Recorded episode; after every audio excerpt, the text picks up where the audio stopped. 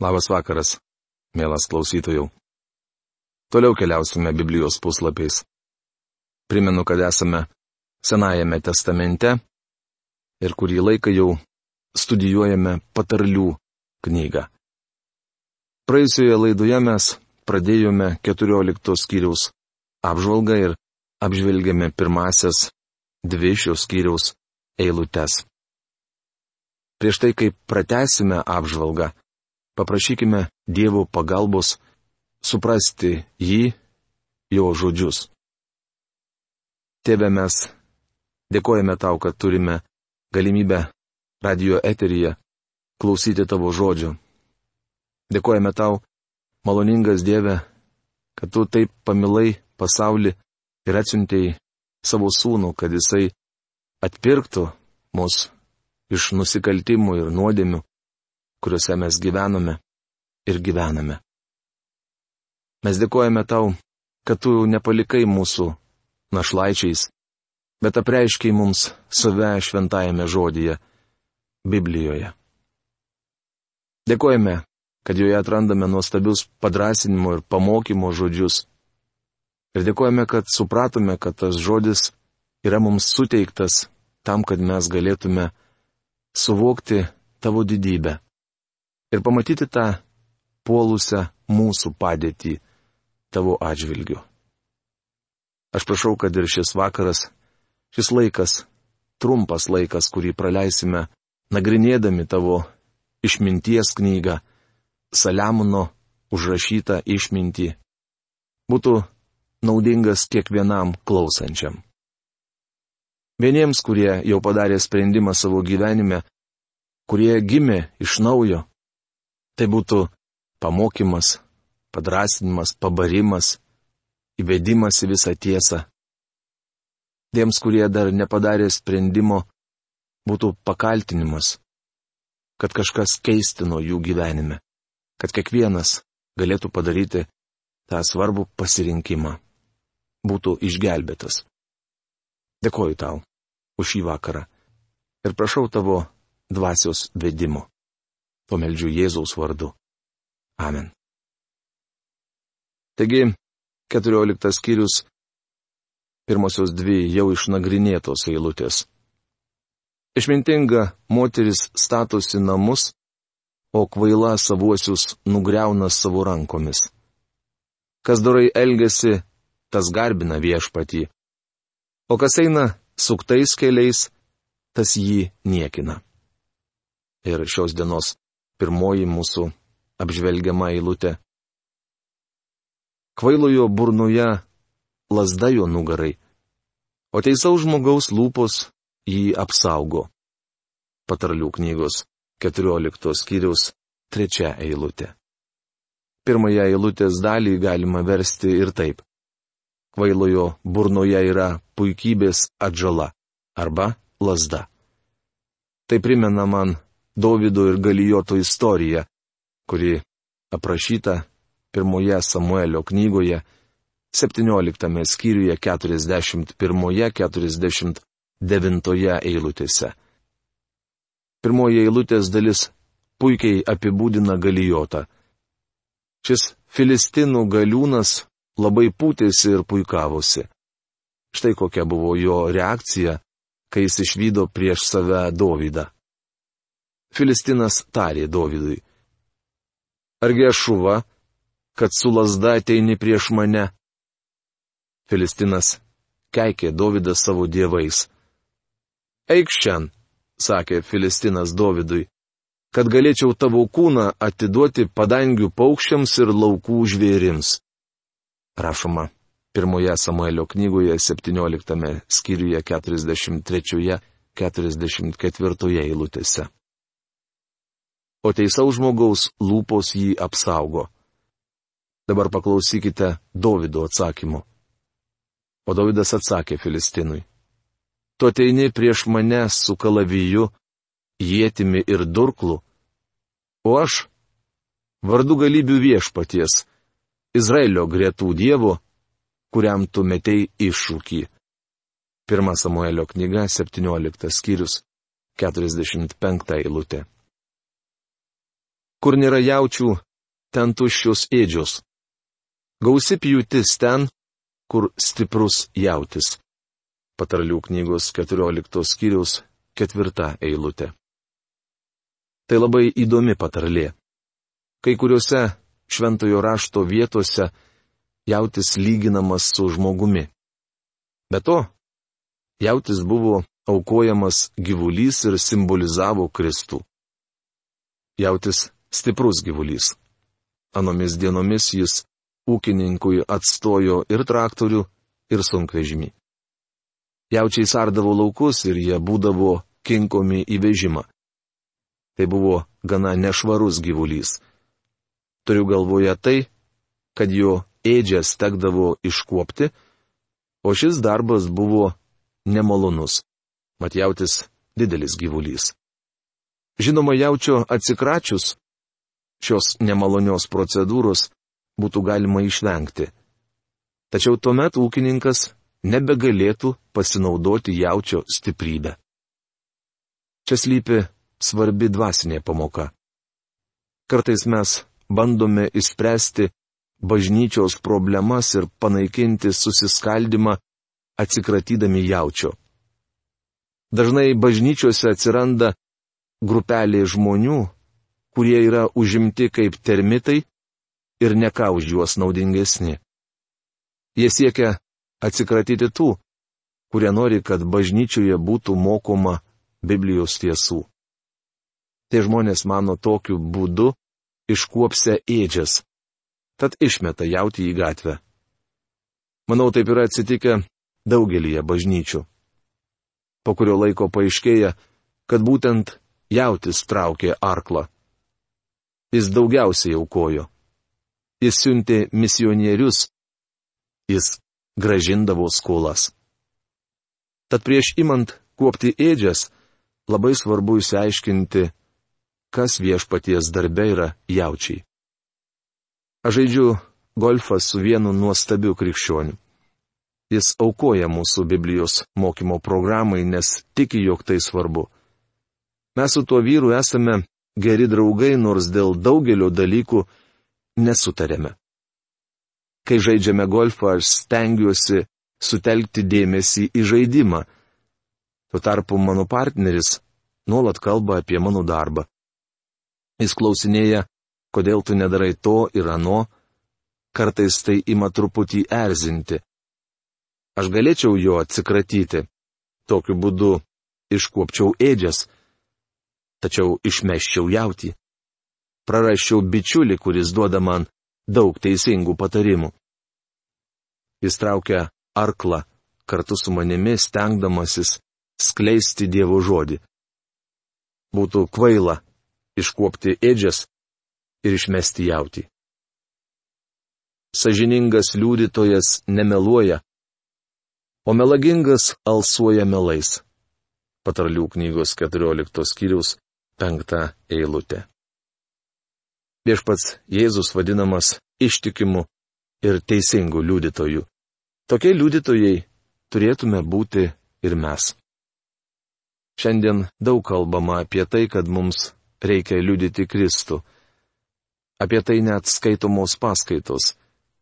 Puiku, jei kursai paskatins jūs lankyti žmonės, skambinti į duris ir pasakoti apie gelbėtoją.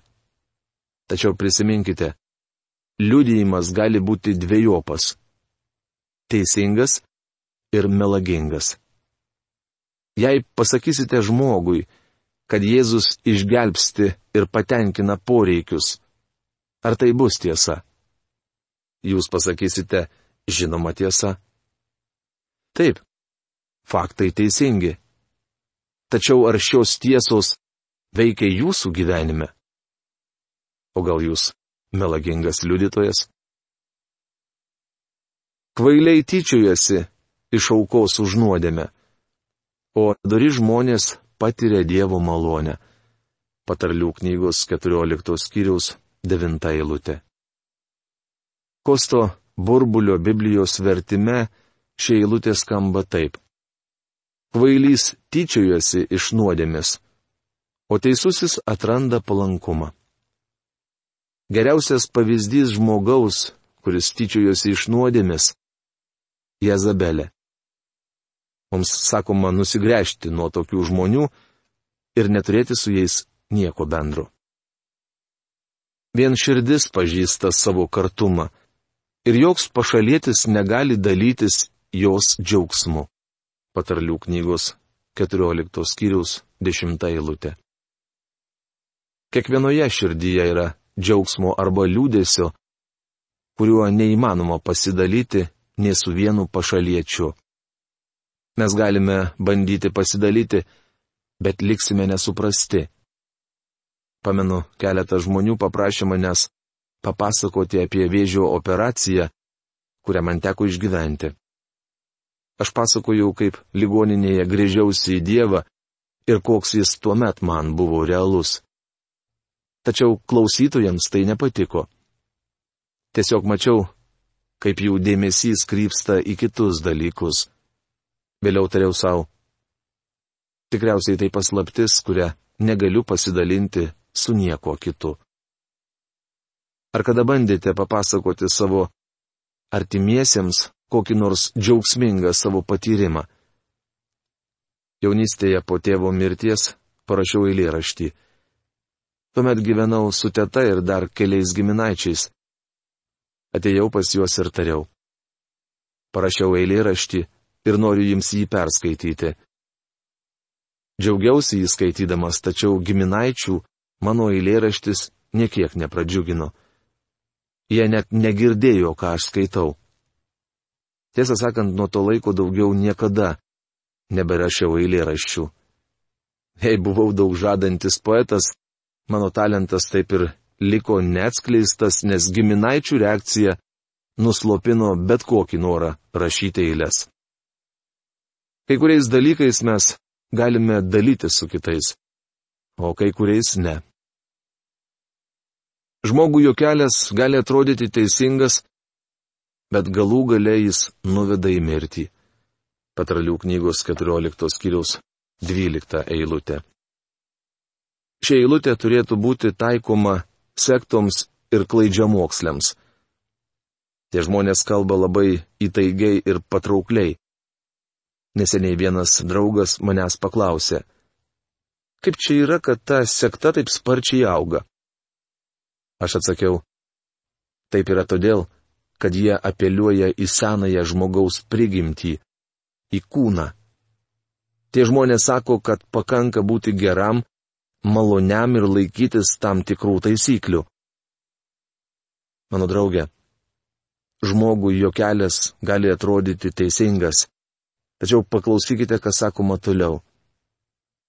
Bet galų galiais nuveda į mirtį. Galiausiai žmogus amžiams atskiriamas nuo Dievo. Kaip svarbu eiti teisingu keliu. Viešpats Jėzus sakė, aš esu kelias, tiesa ir gyvenimas. Niekas nenueina pas tėvą kitaip, kaip tik per mane.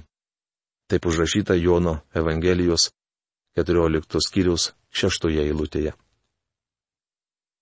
Neišmanėlis tiki viskuo, ką girdi, o gudrus žmogus apsvarsto savo žingsnius. Išmintingas žmogus būna atsargus ir vengia piktą, o kvailas negali susilaikyti ir būna neatsargus kas ūmus, tas kvailai pasielgia, o sukčius nekenčiamas. Neišmanėlių papuošalas kvailumas, o gudrieji apsivainikuoja išmanimu. Patarlių knygos 14 skyriaus 15-18 eilutės. Pasaulyje įprasta manyti, kad krikščionys yra naivūs, žemo intelekto žmonės, tikintys viskuo, kas jiems sakoma tikras Dievo vaikas nėra neišmanėlis. Jis netiki visko, ką girdi. Ar kada atkreipėte dėmesį, kad mokiniai nuolat klausinėjo viešpatį? Vyrui, kurį mes vadiname nepatikliuoju Tomu, taip pat kildavo daug klausimų. Simonas Petras teiravosi, viešpatė, kur tu eini? Kodėl aš negaliu eiti su tavimi? Tilenis Pilypas prašė Jėzaus. Parodyk mums tėvą ir bus gana. Judas neiskarijotas klausė, kodėl tu mums visą tai atveri, o pasauliui ne. Šiems vyrams nuolat kildavo klausimų. Jei jūs Dievo vaikas nebūsite lengvatikis ir nepriimsite visko, ką išgirstate. Tikėjimas nėra šuolis į tamsą. Tai ne tikėjimas tuo, ko nėra, kaip sakė viena maža mergaitė. Bičiuli, tikėjimas turi turėti tvirtą pagrindą. Dievas sako, netikėti tuo, kas neturi tvirto pagrindo. Neišmanėlis tiki viskuo, ką girdi. Gudrus, išmintingas žmogus ištiria kiekvieną žodį. Viešpatės baime verčia išmintingą Dievo vaiką ištirti tai, kas jam sakoma. Jam dantų neužkalbėsi. Jis nepatikės pamokslininko žodžiais vien todėl, kad jis pamokslininkas, bet patikrins, ar jie atitinka Dievo žodį. Noriu pasakyti jums, kad neturėtumėte tikėti mano žodžiais vien todėl, kad aš taip sakau. Aš nesu Delfo orakulas.